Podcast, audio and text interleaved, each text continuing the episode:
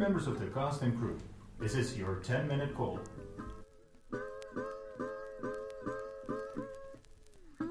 Dit is Camping de Vrijheid, de poëziepodcast van Ingmar Heitse en John Jansen van Galen.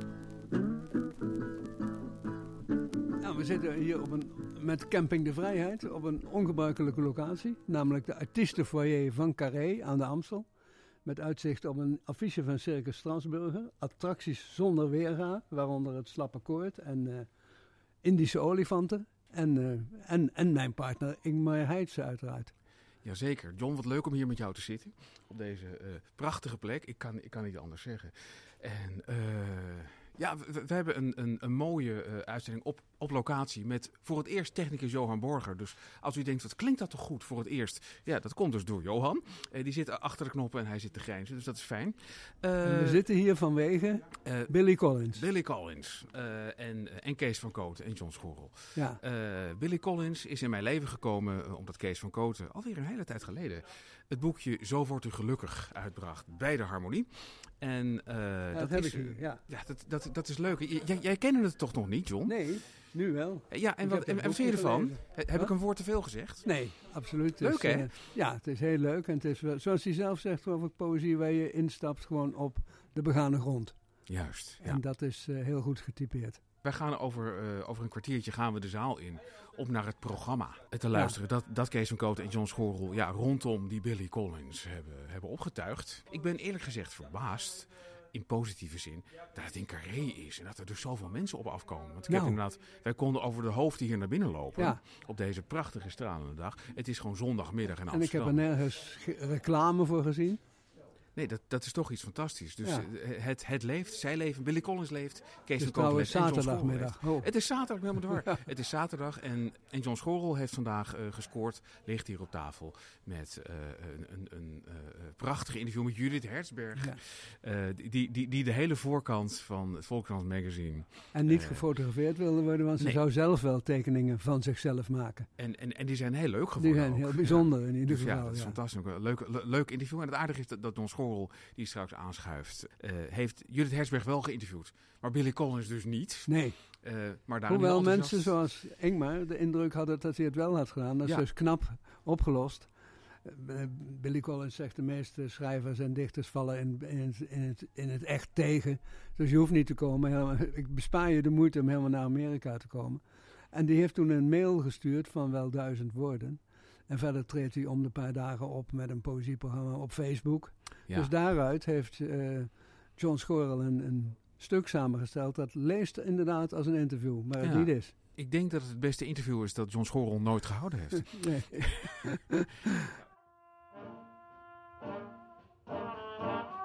er is een hoop gebeurd. Het In laatste een paar nieuws. weken dat we elkaar even niet zagen.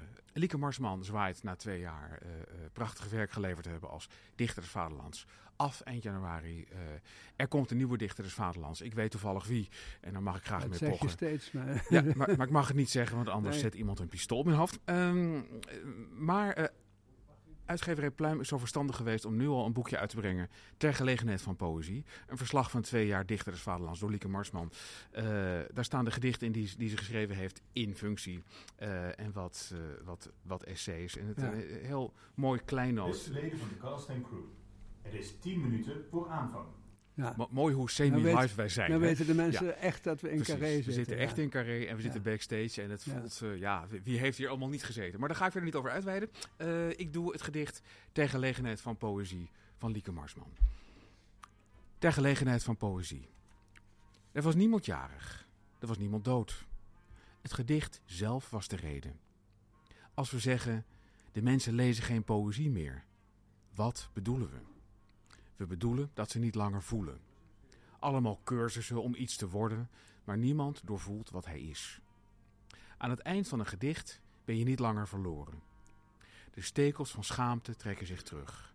Het leven is een leven lang zoeken naar metaforen als het afstellen van een autoradio, op een landweg ruis van onbekende stemmen, in een lied dat vaag bekend voorkomt.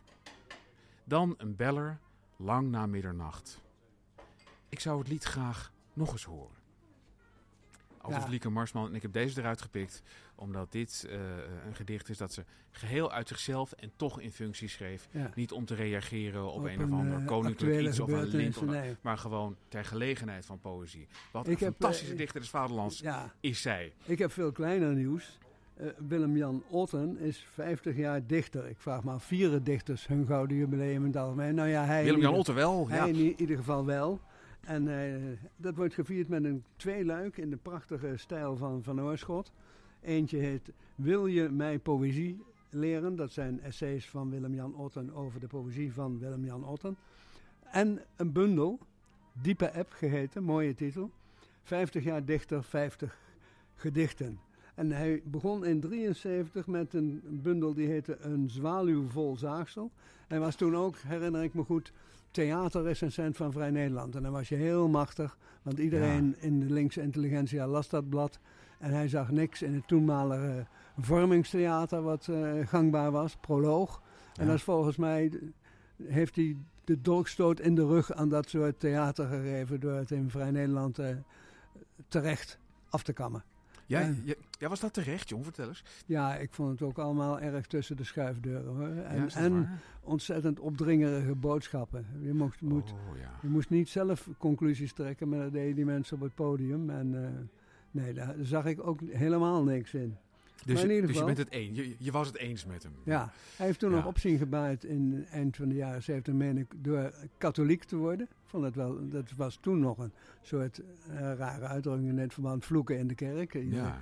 iedereen liep weg uit de kerk en hij werd, werd juist katholiek. Dus de tweede keer dat hij tegen de keer inging eigenlijk, als je het zo wel, zegt. ja. Ja, en ik lees uit die bundel Diepe App het gedicht Genesis. Diepe App. De zon komt uit ter Schelling op.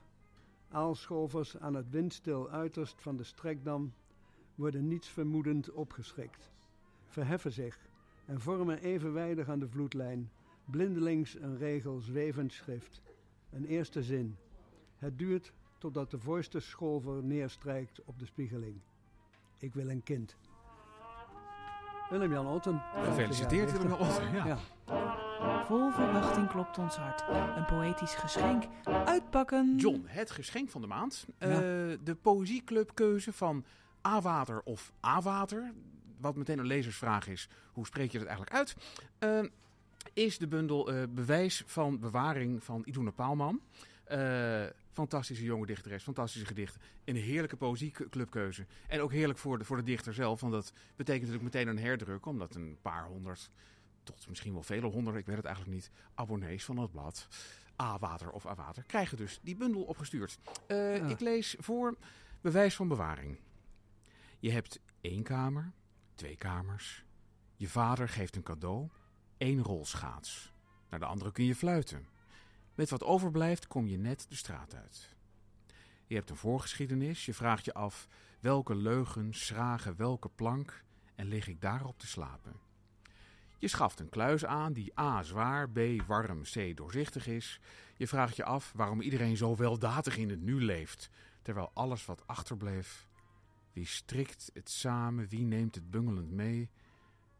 Kun je pas snappen waarom je vader je pestte. Telkens zo pesten, als je al zijn passen terugrolt naar het inpakpapier, het geintje, de winkel, de jaloezie, de felle veters, de wederopbouw, de oorlog, zijn moeder. En is het die moeite waard?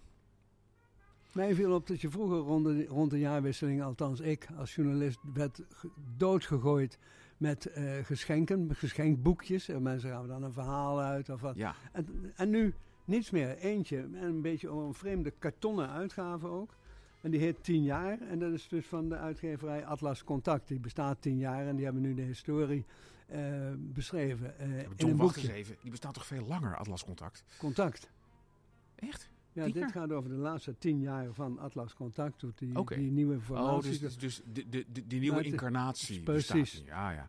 Oké, nou ja. het is een beetje in, natuurlijk, ja. een beetje in-house history, want eh, de smeuïge aspecten en de spanning komt er niet aan te passen. Dat is natuurlijk een beetje deftig voor eh, een soort PR ook. Maar ik ja. bedoel, de drama's die zich hebben rond, voorgedaan rond Tilly Hermans en Missy van der Pluim, die staan er helemaal niet in.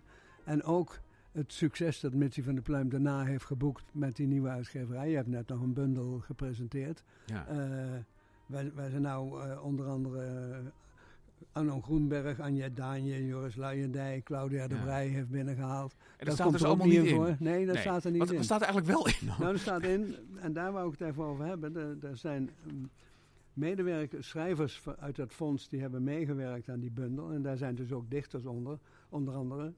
Eh, Piet Gerbrandi, daar hebben we het alles over gehad. En Ja. Piet Gerbrandi schrijft het gedicht... Zullen de, witten gisten, zullen de wilde gisten van verdichting het milde wordt van wie haar lezen vullen? Natuurlijk, wist niet elke weke moergrond welk wezen inktzwam in het licht onthult? Dat spreekt ja, wat vervoering mist, verdort. En dan vraag je misschien af, wordt, maar dat is niet met DT, dat is met een T. Dus ik dacht, wat is wordt met een T? En nou ja, dat heb ik een, u- opgezocht. Dat is de suikerrijke, waterige oplossing die een tussenproduct is in de bereiding van bier, jenever en andere alcoholische dranken.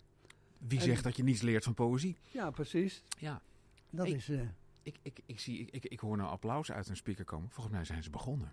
zullen we maar niet naar binnen sluipen. We gaan de zaal in. Zullen we dit maar hier laten? Zo.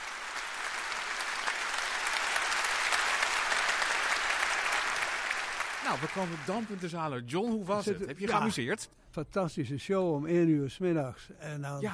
krijg je eh, geheel eh, bij verrassing Kees van Koten met Billy Collins. Voor mij in de andere volgorde hoor. Billy Collins met Kees Ja, van Koten als, als tolk van, van Billy Collins. Ja. Eh, ge- geïnterviewd door John Schorels en mooie gedichten voorgedragen. Waardoor, dat moet toch ook wel, dat moeten we even laten horen. Dat, anders weten de mensen nog niet wie Billy Collins. Collins is. Eens? En jij? Ik wist niet eens dat, dat er muziek eh, bij zat. En wat voor muziek. Ja, prachtig, ja. heerlijk. Ja. En eh, daardoor... En, Lichte ik, handicap was dat vlak voor ons een jong stel ontzettend zat te vrijen. De hele ja, ik, anderhalf uur lang. ja, maar dat vond ik ook heel prettig. Ik dacht, Ja, dat is toch mooi, het het is was- de liefde. had Dat wel iets over- gezelligs. ja. Het was eigenlijk een middag van de eeuwige jeugd. ja, oké. In dat opzicht. Nou, En ik vind ook dat inderdaad, die middag, dat is heel raar daaraan. Want je stapt dan dus eh, naar buiten. En ik, ik knipper tegen het licht, alsof ik in de Ja. bioscoop ben geweest. Dat maar ook was wel heel verslag, weet je. Ja. Ja. Maar wat was het mooi. En ehm, ja, het, het, het, was ook wel, nou, het, was wel een zit. Ja. Ik dacht dus, ik weet niet of jij dezelfde verbijstering had toen we, toen we daarheen werden geleid. Van, i- is er een bovenzaal in Carré dan waar dan 50 mensen zitten? Nee, Nee, het was gewoon die de grote grote- zaal. de grote en die zaal, was goed bezet ook. Goed bezet, stampvol Ja, volgens Staan mij. vol niet helemaal, maar Nee? laten we Oh, 80 heb je niet goed opgelet? Ja, ik, ik, heb, ik heb goed om me heen gekeken. Als Oh, licht de aan bovenste rijen. Ja, ik heb jaloers om me heen gekeken en vastgesteld, nou 80, 90 procent. Maar dat is natuurlijk nog steeds krankzinnig. Ja. Voor een zaterdagmiddag voor, nou ja, natuurlijk voor Kees van Koot. Ja, maar dat is Van Koot een fantastische performer. Ja. Vooral ook in tempo. hè. Altijd ja, ja. met veel eh, kleine pauzes en vertragingen. En dan dat verhaal over die eh, militaire dienst. Hè. De, de weg niet kunnen vinden in de Drunense duinen. Ja, geweldig. Ehm, eh, het is misschien leuk om, eh, om, de argeloze luisteraar eh, van Camping de Vrijheid een paar stukjes te laten horen. ja. Wat, wat, wat vond jij het mooiste gedicht van Collins dat Van Koten deed? Ja, dat gaat dan weer over het wezen van de poëzie. Dat heet de ellende. Ellende met poëzie. Ja. Ja, Ja. Dat gaan we in ieder geval laten horen. Een gedicht waar we allemaal geluk, gelukkig van kunnen worden met de titel Ellende. Is dat een eh, idee? Ellende. Eh, Pagina 100. The Trouble with Poetry. De ellende met poëzie. wel- welke? eh, 112? 107. 107? Nee, 126. 126. Oh ja. Hm. Omdat daar op een Ja, ja, ja. Hij, hij, hij ontleed zijn, zijn, zijn vak, want wat, zo mogen we het toch wel noemen. Ontleed hij oneindig vaak, eh, Billy Collins. En eh, de lezer, die schat hij zeer hoog. En wil allemaal weten wie die lezer is. The trouble with poetry. De ellende met poëzie. De ellende met poëzie, bedacht ik, op een avond lopend langs het strand van Florida. Met mijn blote voeten in het klamme zand. Onder een lichtshow van sterren aan de hemel. De ellende met poëzie is dat zij het schrijven van nog meer poëzie uitlokt. Nog meer guppies die elkaar verdringen in het aquarium. Nog meer babykonijntjes die hup vanuit hun moeders het bedauwde gras inwippen. Waar moet dat ooit eindigen? Pas als eindelijk de dag is gekomen waarop we alles in de wereld hebben vergeleken met al het andere in de wereld en niets meer weten te verzinnen dan stilletjes onze notitieboekjes dichtklappen en met gevouwen handen aan onze schrijftafel blijven zitten. Poëzie vervult mij met vreugde. Als een veertje op de wind wiek ik omhoog. Poëzie vervult mij met verdriet. Ik zink als een ketting van de brug af in het water geslingerd. Maar het meest vervult poëzie mij met het verlangen om poëzie te schrijven. In het donker zitten wachten tot een vlammetje ontbrandt aan de punt van je pen. En tegelijkertijd de drang om te stelen. De gedichten van anderen kraken met een zaklantaarn en een bivakmuts. En wat een miserig dievengilde zijn wij, zakkenrollers, ordinaire winkeldiefjes, bekende ik mijzelf. Terwijl een koude golf mijn voeten omspoelde en de vuurtoren zijn megafoon op de zee richtte. Een regel die ik linea recta heb gestolen van Lawrence Ferlinghetti. Om voor een keertje helemaal eerlijk te zijn. De fietsende dichter van San Francisco van wie ik een bundel als een speeltuintje met mij meedroeg in de zijzak van mijn uniform, de misleidende gangen van mijn middelbare school op en neer. Billy Collins.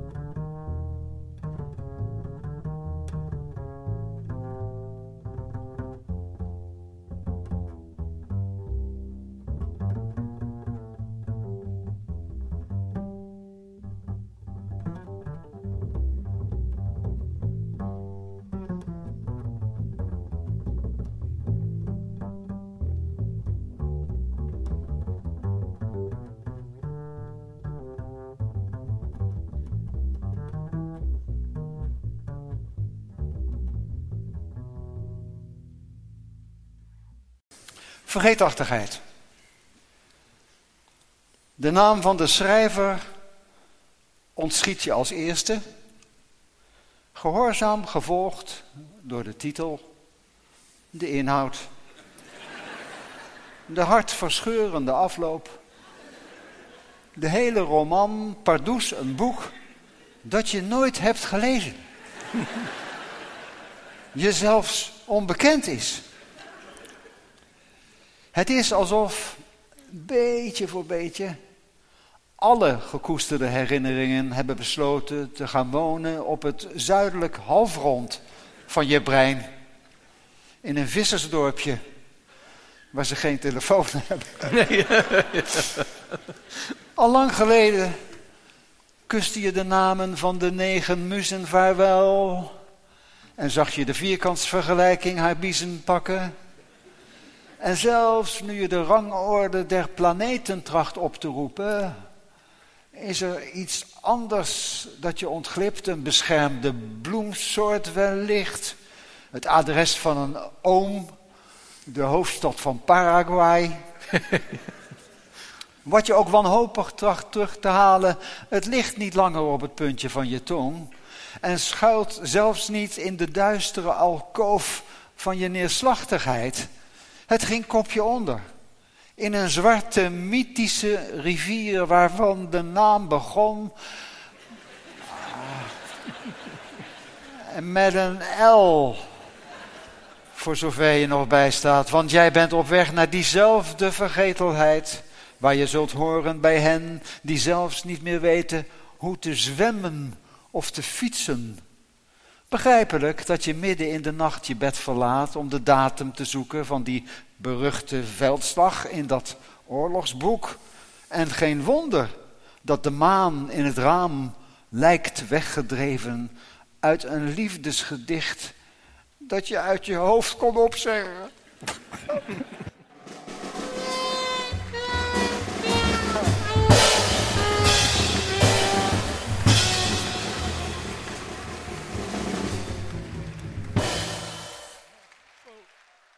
Zeg, waar blijft die eh, schorel? Hij ging volgens mij allerlei familie om de hals vallen. Want dat is ook wel leuk om te vertellen. Eh, De familie van Koten was Ja, de familie vol- van Koten stond, integraal op de, ja, op de, op de Ja. gastenlijst. Als ze allemaal zijn gekomen. En dat is wel Ja, ik, ik zag er hier een paar. Oh, oké, Eh, Jacob ja. Derwig stond er net aan Ja, inderdaad. Er nog. Dat is gek als je zo iemand ziet. Want dan denk je van god, dat lijkt Jacob Derwig wel. ja. Dat zal wel niet. Als ik dit aan, aan mijn vrouw vertel, dan, dan scoor ik wel punten. Ja, ik ook. want dat Ja, wordt zeker. inderdaad... Ja, wij, Ja. wij zijn... Maar ja, ik kwam hem vaak tegen en Kim ook op het schoolplein. Als wij de kleinkinderen haalden, haalden zij de kinderen. Dus Ja, zo, zo, zo grijpt alles in zo elkaar. heb je nog eens wat aan kleinkinderen. Het is dat je het zegt. Ik kijk er naar uit. maar ik moet nog even geduld hebben.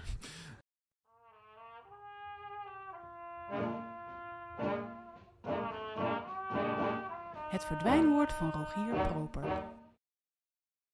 Potjandosi. Van sommige verdwijnende woorden mogen we vooral heel blij zijn dat we ervan verlost raken. Potjandosi is er één van. En pot voor drie dubbeltjes een ander. Eigenlijk alle woorden die in feite een vloek pretenderen te zijn, maar daar niet voor willen uitkomen. Snotverdomme. Dit valt onder het hoofdstuk hypocrisie. En van hypocrisie moeten we niets hebben. Of je vloekt, of je vloekt niet. Vloeken is trouwens gezond. Wat niet wil zeggen dat je er andere mensen mee hoeft te confronteren, indien ze daar in al hun miserigheid niet tegen kunnen. Maar ja, Dan wil ik wel even melden dat binnenkort Rogier Proper en ik en nog dertien anderen het 60-jarig bestaan van ons studentendispuut vieren. Dat heet Oefening Baard Kunst. In de wandeling afgekort tot Baard. En hoe gaan jullie dat aanpakken, die viering? Wij vieren een, een, een, diner bij Homeland. En daar spreken een aantal mensen. Niet Rogier, niet ik, maar wel Guus Luiters. En Ah. Jan Donkers, Ja. eh, medeleden van het... En Frits Boer. Ja, die eh, houden daar een tafelreden. Een ik kijk er naar uit. Ja, Wat? leuk. Ja. Klinkt goed. Ja, 60 jaar jong. ja we, zijn, we hebben afgeweken van de juiste datum. En Jan Donkers gaat elk jaar op een jazzcruise in de Caribbean. En die gaat, moet de volgende dag vliegen om daar naar die jazzcruise te gaan. Er zitten allemaal hele oude jazzcats. Die varen dan in de zon eh, langs de Bahama's. En er is alsmaar muziek. Jazz. Klinkt ook wel als een, eh, als een goed uitje. Ja, zeker. Het gedicht de van eerste de plaats maand. twee dingen. Twee gedichten van de maand, sorry, ik kon niet kiezen. Mustafa Stitu heeft met zijn bundel Waar is het Lam Ja. de, de, de Awater Poëzieprijs gewonnen. Ja. Eh, en eh, ik, ik lees, ik, volgens mij is het het laatste gedicht in de bundel, Mosque Shaped Alarm Clock. Dat is dus zeg maar een, een, eh, een, een wekker. Die gaat niet aan met gerinkel, maar dan hoor je gewoon een gebed. Zo'n wat s'morgens Mosque vroeg Shaped van de- Alarm ah, ja. Dan hoor je zo Van heel een gruizig. minaret wordt geroepen. Dat- Zo'n Ja. gebed. Ja. Ah, ja, ja, ja. Van Mustafa Stitu. Weer schalt vanuit de minaret die zich op het dressoir verheft tussen kiekjes van kleinkinderen en het grote scherm van de tv. De stem van de muerzin de woonkamer in. Mechanisch, robotachtig en maakt een eind aan het gesprek. Ze wordt geroepen om te bidden, trekt zich in een hoek van de kamer stil terug. Engelen, profeten, openbaringen, eeuwigheid. Ze twijfelt niet. Je weet het zeker, getwijfeld heeft ze nooit. Gebaard heeft ze je, opgevoed, een vreemde zien worden, maar losgelaten nooit en jij haar evenmin. Ongeduldig blijf je wachten, kinderlijk verongelijkt, haar onverdeelde aandacht wil je, overtuigd dat dood is dood. Ik heb als tegenwicht een, een, eh, een, voor een gedicht van de maand een raar gedicht uit een rare bundel. Oh, leuk. Met een rare titel. Die bundel heet Mijn moeder is nog maagd. Ondertitel Wereldheerschappij komt eraan. En er staat een heel lullige foto op voorop van de dichter zelf. Hij heeft het in eigen beheer uitgegeven, dat is al dapper. En om zo lullig als lulletje rozenwater op je eigen omslag te gaan staan, dat vind ik ook wel van Ja. moed getuigen. Ja, En de claim to fame van deze Hindirk Hannema is dat hij in twee jaar geleden de beste slamdichter was van Leeuwarden. jawel. En hij was toen ook finalist bij het NK Poetry Slam. Enfin, ik lees een gedicht omdat het gaat over het optreden van dichters. En dat is gedicht 7 in de serie Nog meer legitieme redenen om de macht te grijpen. Volle afvalbakken in de trein, plofkip. Dat je naar buiten kijkt door het raam en het pijpenstelen regent, maar niet op buienradar. Dat je bij Fellini in Leeuwarden een vierdubbele ristretto besteld. Dat is Italiaanse espresso, maar dan sterker. Maar dat je het dan geserveerd krijgt in een koud kopje, waardoor de koffie koud is zodra het op tafel staat. Disclaimer die dichters geven voordat ze gaan optreden. Een voorbeeld. Ja, ik voel me vandaag niet zo goed en had me verslapen voordat ik hier kwam, maar ik was toch nog net op tijd. Maar onderweg hier naartoe heeft mijn hond mijn programma opgegeten, dus ik doe het vanaf mijn telefoon en de hond had ook diarree gekregen van het papier dat hij had opgegeten en heeft over me heen gescheten. Dus het kan zijn dat ik nog een beetje naar hondenpoep ruik. Ik hoop dat jullie het niet erg vinden. Goed, dan nu mijn gedicht. Einde voorbeeld. Ik heb een primeurtje. Eh, er komt een nieuwe bundel uit van Anchi Krog. Sommige Oh. mensen zeggen ook wel eens Anki Krog. Die zeggen dan van ja, wij beheersen Zuid-Afrikaans beter. Het is echt Anki. en dan komt iemand weer overheen en zegt Anchi. Dat is een beetje A-water. Ik heb daar veel water. rondgereisd en volgens mij is het beetje, dat is beekie, dat is een, be een beekje, be beetje, schrijfje. Ik dacht ook Ankie Krocht, maar goed, laten we het zo. De door mij diep bewonderde mevrouw Krog heeft een, eh, eh, een, een, nieuw, een nieuwe dikke bundel. Uh, Plundering komt uit bij uitgeverij Podium, eh, half februari. Eh, ik heb er twee en de ene is heel kort. De Bijbel als richtsnoer. En Daar, daar, staan twee motto's boven. Die moet ik ook even doen. De Bijbel als richtsnoer. Genesis 1:27. En God schiep de mens naar zijn beeld. Naar Gods beeld schiep hij hem. Man en vrouw schiep hij hem. Genesis 1:27 2021, daar achteraan. God schiep de mens als een evenbeeld. Als evenbeeld van God schiep hij hem. Mannelijk en vrouwelijk schiep hij de mensen. En dan eh riposteert Antje Krog. Kortom, naar de letterlezende gelovigen, stop dit maar in je kersenpit. God heeft tieten en een kut. Eh, Ja, dat is goed. dat is prachtig. Ja, Maar het geeft niet direct een goede indruk van, van wat de rest van de bundel is. Ik doe treinreis van Groningen naar Amsterdam. Door het raampje, regelmatige, op elkaar lijkende bomen filigreren de mistigheid bij hooghalen. Wazige, afbakenende hekken scheiden percelen van metaal en smaragd. Een groepje koeien ligt in de ijzige nattigheid van humus als hete ovens stomend van herkoude brei. Iemand in een zwarte regenjas fietst een zijweggetje in. Een hangbuikhaas rent hompelend over de doorweekte wei. Watervlakken spreken van verzadigde aarde. Een reiger vlamt op en vlijt een spierwit vraagteken op braakliggend land. Liggen nog bundels sneeuw. Dit winterlandschap is al door zoveel geniale ogen afgetast. In zoveel laaglandse kunstwerken vastgelegd, ingelegd en verbeeld door de asgrauwe, ijle lucht en witte schapen die zich als maden krommen in het groen. Wat zou ik zijn geweest als ik hier was opgegroeid, daar in dat eenzame huis tegen de schuur aan? Als dit mijn dagelijks uitzicht was. Als natheid en klamheid, kristalkille lucht en mist en veilige zonloosheid mijn vroegste taal had geschapen. Het verhaal van mijn land versomberd met een fatale schittering bij het geluid van mensen roepend uit een oven. Daar hoor ik, in deze grijze stilte, zou ik het meedogenloos ironische kutwijf zijn geweest dat ik eigenlijk ben. Pak aan, vanaf Ja. half februari op naar de boekhandel voor plundering van Oh ja. Antje Krog. De gast van de maand. John en Ingmar praten met een coryfee uit het land van de poëzie. Aangeschoven is eh, Ah. John Schorrel. Drie minuten nadat het stopapplaus heeft geklonken. Eh, hoe voel je je? Hoe was het? Nou, kijk. ehm, ik denk uiteindelijk dat als. ehm, hoe voel je je? Het is natuurlijk grappig. Ik was net in het eh, café. Er staat er gewoon een enorme rij mensen die een boekje van Kees, Kees van Koten willen hebben. En vooral poëzie. Dus zeg maar, de, de, de, het idee is natuurlijk enorm gelukt om eh, poëzie onder de mensen te brengen. ja, Zegt het wel. zeker. Ja. En daar gaat het toch allemaal om. Eh, een, een nagenoeg uitverkocht carré. Ongelooflijk. Ik dacht dus dat het een bovenzaal was voor 50 mensen. Hoe, hoe is dit gebeurd? Nou, ja, het was eigenlijk zo. Ehm, ik had dus dat verhaal gemaakt vorig jaar in eh, de Volkshand over Billy Collins. Waarin eh, Kees een eh, belangrijke rol speelt.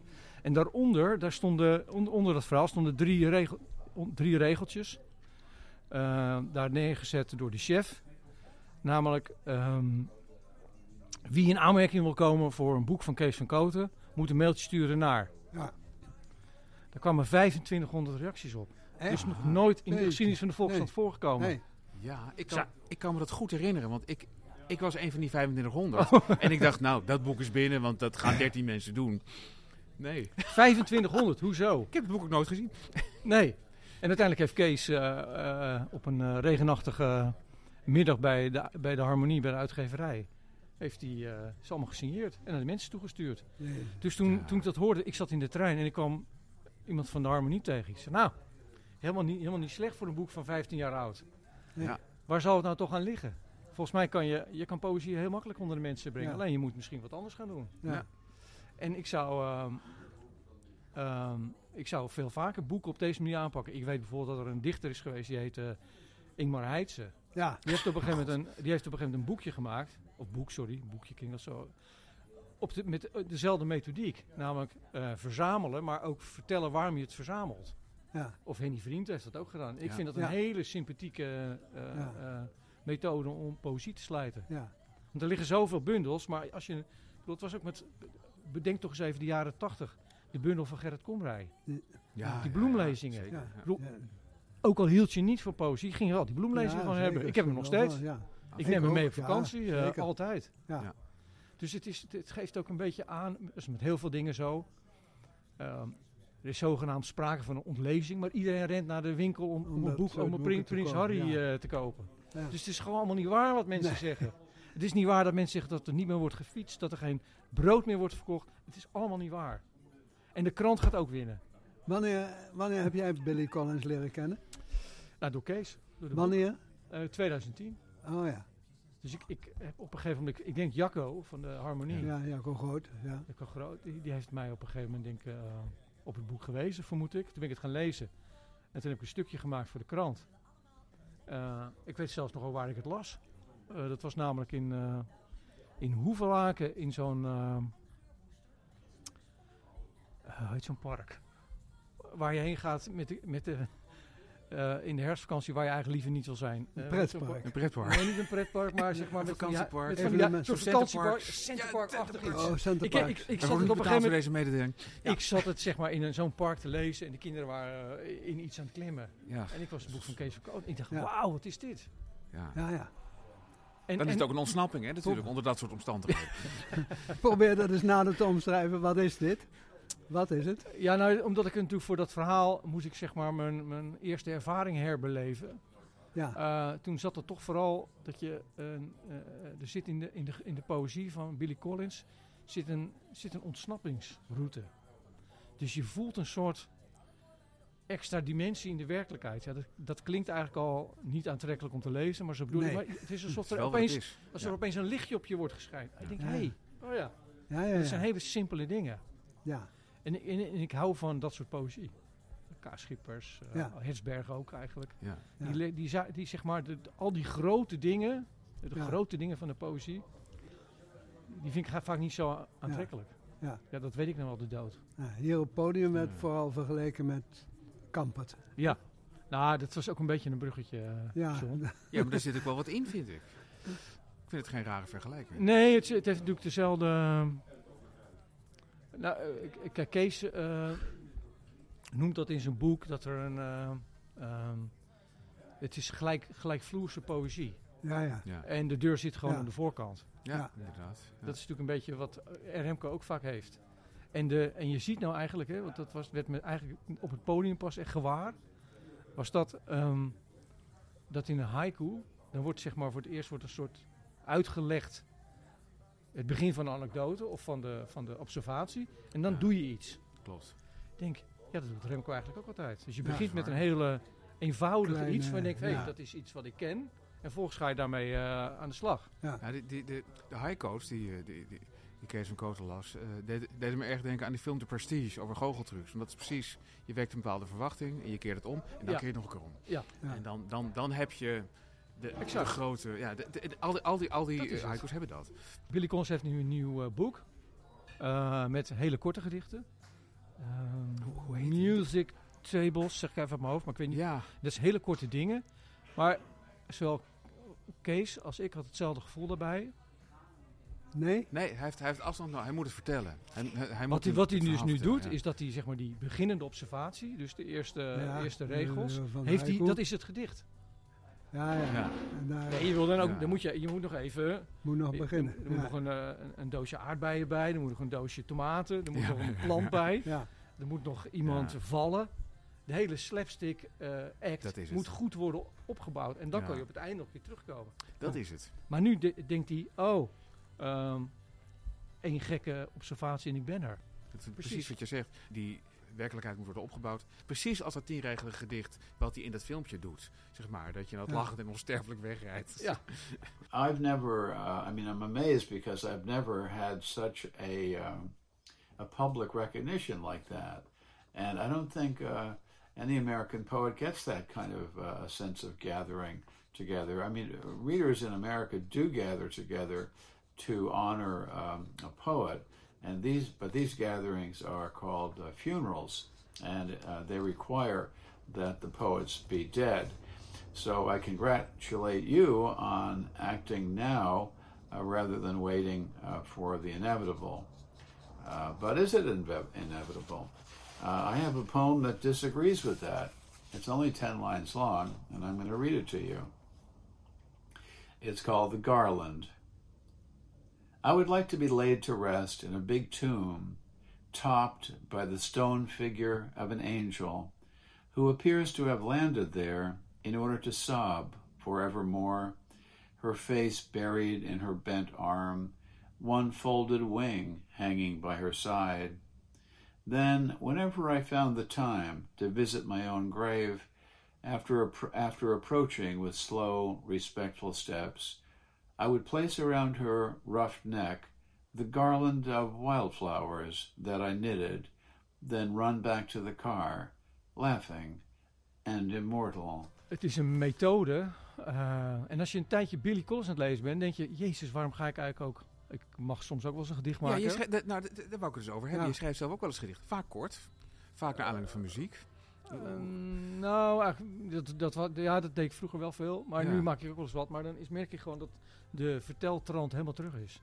Ja. Dat elke ehm, ingewikkelde ehm, manier van vertellen totaal verdwenen is, eigenlijk.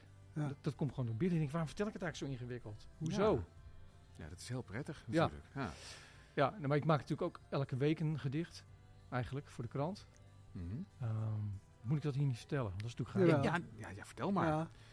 Ik Nou begrijp ja. nu pas dat jij dat gedicht maakt wat, Ja. eh, wat zeg maar boven Sylvia Witteman. Ja. Ja, Ja, maar dat is eigenlijk Nou, dat hebben we ook weer onthuld. ja, dat doe ik nu al elf jaar. Nee. Oh, Dat wist ik helemaal niet. Nee, dus ik heb best wel veel Ze gemaakt. vertellen me Ja. nooit wat. Ja, Maar dat is zeg maar ook, dit, dat, daarvan zie ik nu ook een soort ontwikkeling dat ik steeds duidelijker ga worden. ja. En eigenlijk is duidelijkheid natuurlijk een soort besmet woord altijd in de poëzie Ja. geweest. ja, zeker.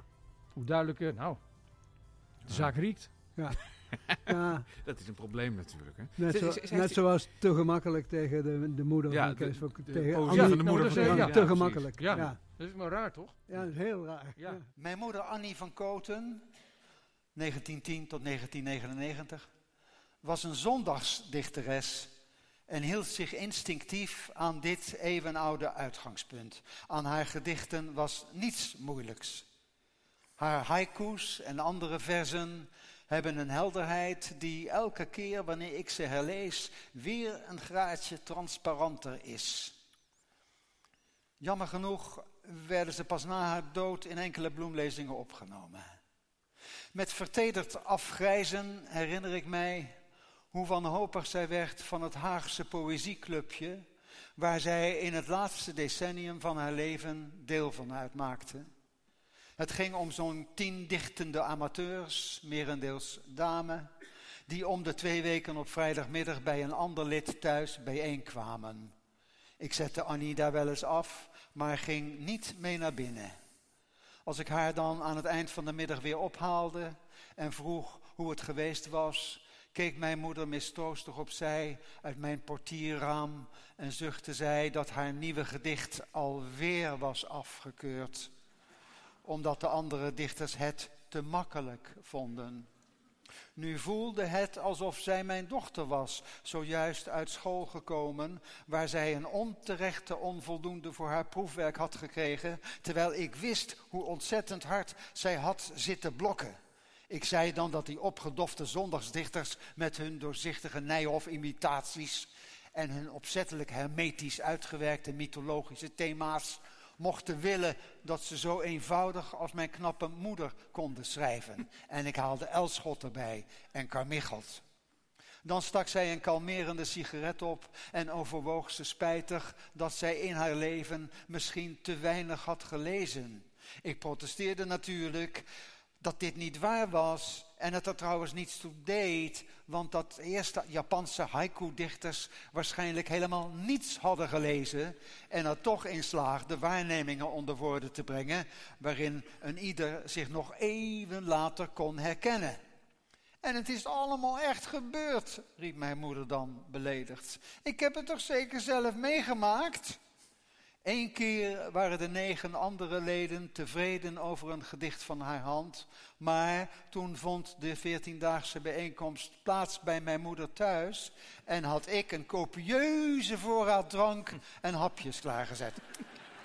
Zou Collins daar een eigen land last van hebben gehad? Ja, ja, ja zeker, tuurlijk. Ja, ja, want het werd natuurlijk wel heel... Kijk, hij had een, had een hele rare aanloop, omdat hij... Hij werd natuurlijk op het schild gehezen, omdat hij... Uh, kijk, er ontstond een soort rare controverse, uh, um, nog voor hij eigenlijk beroemd was. Was dat er een hele grote uitgever, ik geloof Random House, ja. hem wilde hebben. Hij zat gewoon bij zo'n uh, ja. press. Ja. En opeens wilde een grote hem hebben. En dat werd ook nog breed uitgemeten. Ja. En dat was natuurlijk lekker, ook voor de Random House. Die dacht, hé, hey, uh, ruzie om dichter. Nou ja, dat is, weet je, ja, oh, zo. En uh, dat was ook goed voor de, voor het, uh, um, voor de centjes voor, uh, voor, voor Collins. Maar door die controverse werd hij ook zichtbaarder. Maar vooral, hij werd gevraagd voor de radio. Ja, ja. En toen ah. heeft hij heel lang bij de MP, MP, NPR, heet dat geloof ik in Amerika? Ja, de, die publieke zender. Ja, de publieke zender heeft hij gewoon... En hij, hij kan geweldig voordragen. Ja. Dat is gewoon... En het staat niet van tevoren vast dat je erom gaat lachen, maar je wordt er door meegetrokken. Ja. Maar en je dat, durft het wel. Dat, dat vind ik het goede. Het is niet per se allemaal lachen of geschiet. Maar nee. als, als, als je iets, iets, iets doet wat grappig is, dan, dan voel je ook dat je mag lachen. Ja. Dat, dat hebben dichters ook nog wel eens last van. Zeg maar. dat, dat, dat, je, dat je, tenminste, ik heb er zelf last van. Dat ik iets doe van, nou, wat mij betreft mag er gelachen worden. En dan doet niemand dat, uh, ja, of ze vinden het niet grappig. Maar ook het zo, ja, maar zitten naar poëzie te luisteren. Dus ik dat, precies. zo luisteren. Nou ja, dat is een beetje de... de, de voor mij is het een gedicht van Remco Kampert. Dat gaat, gaat over het idee dat je uh, sinds de budding, uh, dat je, denk je ja, dat je mag lachen. Poëzie en ja. te lachen, ja. ja. Wat is, en wat was daar ook weer mis mee? Ja, precies. Dat is, dat is maar misschien is dat wel... Uh, um, ja, waarom zou dit geen navolging krijgen? En maar je hebt natuurlijk wel nu... Jezus, je hebt natuurlijk wel, wel de best denkbare ambassadeur die je hebt. Je denkt natuurlijk ook wel van... Dit vraagt natuurlijk wel, wel om meer. Is, is hier niet een kleine tournee van te maken? Of, of, of, of spelen we dan weer onze hand? Nou ja, dat begonnen ze net ook allemaal over. Ja, zie je wel. Ja. Uh, we zijn niet de eerste maar ja, ik heb gewoon een, uh, een, een, vaste betrekking. Die meer in je hoofd. Ja. Ja, ik weet niet of dat wil, hangt er een beetje vanaf. Kijk, die uit, voor die uitgever is het allemaal wel lekker. Maar ik wil, ja. ja, die, die denken, denken zich al rijk. Uh, nou ja, het is ook een heel kleine uitgever, hè, die wel de wind in de zeilen mag krijgen, een beetje. De kleine uitgever? Er zijn een paar die, uh, aantal, aantal eversellers in het. In het, ja. het die Rowling, J.K. Ja, Rowling. Oh, dat zit wel goed. Ja, uh, hij heeft gewoon een gracht, grachtenpand eraan te danken. En is My Spijkers. Ja, Uh, maar van, van poëzie uh, hebben ze altijd wel hele mooie eigenzinnige keuze gedaan, dichters. En ook, ja. ook tegen de commerciële keer in. Maar altijd ja. fantastische dingen. Ja? Mooi, ja, ja, ja, zeker. En Leonard Engelberg staat er volgens mij ook bij. Moet ik opzoeken. Dan straks, straks, straks is het niet waar. En ja, dat blad De Zingende Zaag was volgens mij ook van de harmonie. Ah, ik zag er altijd geweldig oh, uit. Van uh, onze vriend uit Haarlem. Ja. ja, precies. Je weet wie ik bedoel. En ja. ik ben de naam ook kwijt. Maar, uh, Vergeetachtigheid.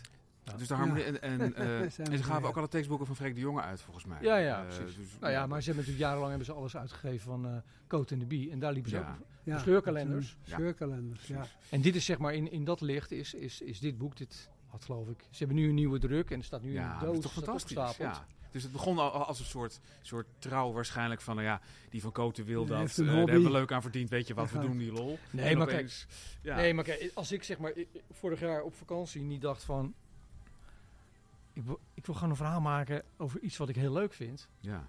dan wordt het niet in gang gezet. Dus het is ook elke keer, Ja. is met heel veel dingen zo. Iemand moet op een gegeven moment iets bedenken. En de, nou en, en de Volkswagen die vindt heel vaak dingen leuk die ik bedenk. Ja. Ja, kijk, vandaag staat een verhaal in met Judith Hersberg. Ja, zeker. Nou ja, iedereen al van tevoren, die wil niks, dat gaat niet. En dat moet je allemaal niet doen, het is allemaal te ingewikkeld. Ja, die heb, je, heb je mooi ingepakt. ja. Nee, maar ja, ik ben er natuurlijk een tijdje mee bezig Ja. om haar zover te krijgen. Ja. Ja. Ja, Ja, 88. ja het is wel eh, de grootste levende dichter van Nederland. Geplaagd, geplaagd door muizen, hè? En geplaagd door Ja, muizen. geplaagd, Ja. Ja. Dat is een geschenk voor de interviewer, of niet? Ja, nou ja, dat was natuurlijk ook interessant. Want, ehm, ja, hoe moet ik dat nou zeggen? Kijk, ehm, kijk als, je, als je zo iemand gaat interviewen en je ziet wat haar, hoe haar leven eruit ziet. En eh, eh, ze is geïnterviewd door Ischa, door Ja. eh, Ter Braak. En dan zie je dat allemaal, Ja. de grote, zware thema's natuurlijk allemaal en terecht voorbij komen. Ja. Maar ik dacht, als ik daar zit, ja, moet ik nou echt Judith Hersberg gaan vragen over hoe was het in de onderduik? Of Ja, ja, ja. eh, hoe voel je nu in deze tijd de nieuwe bewind in Israël? Terwijl ze mij al door de telefoon vertelde over die muizen. Ja. Ja, ik val dan toch voor de muizen. Ja, ik Ja. moet- natuurlijk. Ja. ja dat is... En, ja, voor mij had het dan, mag het dan gewoon twee uur duren alleen maar over die muizen. En terecht. En hoe ze hem ja. vol, hoe ze Ja. volgt. En, ook, en als ik dan wel, maar ik moet natuurlijk wel ergens de. Omdat ik haar oeuvre natuurlijk van tevoren enorm bestudeerd heb, kan je het Ja. ook op een gegeven moment een haakje. Ja. Hè? Dus ik wist dat er een, in een gedicht in de tweede bundel over muizen gaat. Ja. Ja. Dus dan kom, kom ik wel erop terug. Ik dacht, daar red ik me wel uit. Maar ik had geen vraag opgesteld. Ik dacht alleen maar van, nou, we zien het wel. Ja, ik vond, ik vond het, maar En de het, wordt, het wordt slotzin vreemd. is de muizen zijn terug. Ja, hè? ze belde me op. Ik stond op station in Haarlem. Ja, ik dacht, ik, dat is niet waar. Ja, Ja, ze zijn terug. Kun je dat in het verhaal opnemen? Anders gaan mensen allemaal zo'n apparaat kopen. Het klopt niet. Ja, ik, vond, ik vond het vreemd ook heel van vreemd kijken vrouwen om zich heen. Ja. Jezus, wat Ja. een goed stuk was dat zeg. Wat, we ja. Ik, ik dacht ook meteen aan, aan Anne M. G. Smit met het gedicht Pardon. Van pardon, ik ben hier zelf vreemd. Dat het, ja. als, als iemand aan, aan de ik in het gedicht vraagt van, van weet u misschien waar die in die straat is? Ja, pardon, ik ben hier zelf vreemd. Jawel, maar het is wel zo dat door die uitleg... Ik had het ook... Ja. Ik, ik, ik, ik vond zeg maar een te aardse zin afhankelijk. Ja, ik ook, ja. Ja, en toen Nee. ze het ging altijd uitgelegd, vond ik het fantastisch. ja. Som, soms helpt het toch. Ja, dat je denkt, ja, je moet poëzie niet uitleggen. En soms helpt het als iemand... Eigenlijk legt ze het ook niet uit. Ze vertelt, want ze, eigenlijk vertelt ze ook in het interview... Wat ze, eh, dat ze zelf ook niet precies wist, zeg maar, hoe, hoe het zat. Dus ze, ze heeft ook voor zichzelf een raadsel geschreven. En pas later... En, en dat hoort bij, dat, dat zou je als dichter beamen. Ja. Je schrijft iets en je weet ook niet precies wat het is. En langzaamaan begin je zelf ook te snappen wat je... Nou ja, dat heb ik wel heel vaak met journalistieke verhalen. Natuurlijk. Dat, Dat is schrijven teruglees, denk hé, heb ik dat echt gemaakt? Ik kan me niet herinneren. Dat is ongeveer hetzelfde Ja. gevoel. Ja. Het is toch een soort, eh, eh, n- niet verder te romantiseren, maar het is toch, het, ja, het- ja, je gaat gewoon iets maken en aan het eind, einde van het liedje blijkt dit het te zijn. Ja. Nou, Nou, de taal praat deels ook met zichzelf. nou ja, eigenlijk wel, ja. Ja. Daar komt het op neer. En het is verder, dat, dat, dat, dat, dat, dat klinkt e- esoterisch, maar het is precies het omgekeerde. Ja. Het is gewoon, het, het gebeurt. een- Je, kunt- je kunt het beter erkennen. Dus Wat maakt een, het ook uit? Zo is het. Ja. Ik ben blij dat het zo is. Ja, nee, zeker. Ja. Ja. Gelukkig hebben we het al gelezen straks, dit gedicht. Hè, van, eh, heel kort, de- dat van, de, eh, uit het parool op die voorpagina. Ja. Eh, Ik denk dat ze bij het parool opgekeken hebben hoe kort het was, want het is dus Ja. ontzettend veel wit. Ja, Ja, Een groot letterboekletter. Ik denk, Ja. ik denk dat je het Hersberg het zonder bril kon lezen. dat is wel heel, heel, heel goed. En, en dan ook nog een VP'tje op, de, op, de, op het magazine. Ik vind het wel, Ja. ik vind het wel geweldig. ja, dat is Ja. ook te gek. Maar ja, dat is een heel gedoe hoor, want ze wilden echt niet op de foto. Nee, Nee. Ze zei, ik zeg, nou ja, kijk, ehm, dat is natuurlijk het fijne van dat magazine. Eh, alles kan eigenlijk. Ja. Dat is, het is vaak ook niet altijd, eh, nee, dat ga ik niet over hebben. Maar in ieder geval, Nee, zeg maar- het fijne is dat, dat er iemand op een gegeven moment denkt, nou, fantastisch, waarom Ja. niet? Ja, ja maar het, het neemt me ook ontzettend in voor Herzberg. Omdat die, die denk ik ook wel beseft. Ja, dan komt er dan foto. Die maakt een fotograaf. Die maakt dan een mooie eh, award-winning eh, foto van een heel oud iemand met allemaal rimpels. Het is allemaal zo lullig ook. Terwijl, Ik- terwijl die ik- snap zijn helemaal. leuk. Ja, Nee, ja, je- bijna droedels zijn het. Nee, maar kijk, weet dat was natuurlijk heel vaak. Weet je, het is allemaal. ehm, waarom moet iets altijd zo zijn? Dus Ja. altijd een interview gaat altijd zo. Eh, eh, eh, met die en die formule, vraag, antwoord eh, eh, en noem maar op en noem maar op. En die en die foto erbij. Dus dan Ja. zie je iemand in het verhaal bijvoorbeeld heel vaak zeggen: "Nou, ik heb er geen zin in, in uh, die interview. En ik wil ook niet persoonlijk zijn. En dan zie je vervolgens een foto erbij. Heel glamorous, waar ze nog uren mee bezig geweest. En je, oh, daar heb je Oh wel ja, tijd ja. voor. Ja. Ja, Nou ja, het is natuurlijk allemaal het schoolklappen. Ja. goed. Het hoort erbij. Maar het heeft ook Ik wel vind het iets, een leuk gesprek. vind ik, zoals met Billy Collins. Die zegt, komt u maar niet. Doe me een plezier, komt u niet. Ja, Blijf in het echt val ik tegen. Ja. Ja. Ja, Ja, hij had er nog een bijzien bij, het zag je in het verhaal. Eh, namelijk dat hij, eh, net als alle schrijvers en dichters, Ja, zit wat in. Wat ook zo of is. niet. Ja, of, of niet. Ja. nee. Maar het is wel een hele, eh, die, die, die, die, die, die, die, onder, die onderkoelheid van hem. Hè, je hebt, je- ik, ik, ik had vroeger een plaat van eh, Dan, Donald Fagan, Don, Donald Fagan, The Nightfly. ja. En dan zie je een, eh, een beetje, een, eh, zie je hem, eh, slecht uitgelicht, maar alleen met een microfoon. Als zeg maar zo'n ouderwetse jazz ehm, DJ Mhm. uit de, uit de jaren 70, in een rokerige omgeving. En als hij dan dat filmpje opneemt, eh, elke twee dagen, de Poetry Broadcast. Dat is om de twee dagen. Ja, Ah. het is echt... Kijk, dan gaat hij, gaat, hoor je dus eerst heel van een slechte eh, ehm, eh, muziekinstallatie, hoor je eh, jazz. Je hoort iets van Hank Mobley. En dan doet hij zijn zonnebril op. Het is zo melig. En dan zie je dus zo'n glas, weet je, met eh, echt een, eh, een streepje whisky. En dan zit hij een beetje zo. Ja, Oh, het is gewoon... Je geeft gelijk... En dan gaat, maar dan gaat hij volgens wel... eh, de meest geweldige eh, dichters gaat hij citeren. Ja, ja. En ik weet zeker dat al die mensen die, die daarnaar kijken... die kijken niet alleen maar voor, eh, voor de poëzie... maar ook gewoon door de hele... Hè, door de ja. ogenschijnlijke lichtvoetigheid. ja, ja. Die er ook Ja. niet is natuurlijk. Nee. Dus dat is echt... eh, ja, die man is gewoon... eh, ook dat filmpje wat hij had gestuurd. Ja. Het is echt... Ja, Geweldig Ook zo'n flauwe ja. grap ook over die vrouw. Ja, ja. Wat kan vreselijk. allemaal? Ja. Vreselijk, ja. Kies van Koet. Ja, ik weet niet. Ja. Ja. Nou ja. Het Het was een- mooi. Het zegt eh, Ja, dat je oké, het allemaal mee mogen maken. Nou, dankjewel. Nou, dat, hè? eh, dankjewel. Ins, in- insgelijks. Ja, Dankjewel. We komen er graag nog eens op terug. Ja, leven Billy Collins. En leven Kies van Koeten. ja, Kies van Koeten. En leven Jon School. Ja. Dankjewel. Ja. En leven Camping de Vrijheid. Dit was Camping de Vrijheid, aflevering 14. hè? Zoiets. Of 15, 14, Nee, 15. 14. Nee, 14 hè? Ja, Ja, 14. Nou, Aflevering 14. dat, dat, zegt, dat zegt ook weer iets, hè? Ja, wat weet ik niet, maar het zegt iets. Dit was Camping de Vrijheid. Namens Ingmar Heidse en John Jansen van Galen. Tot de volgende aflevering.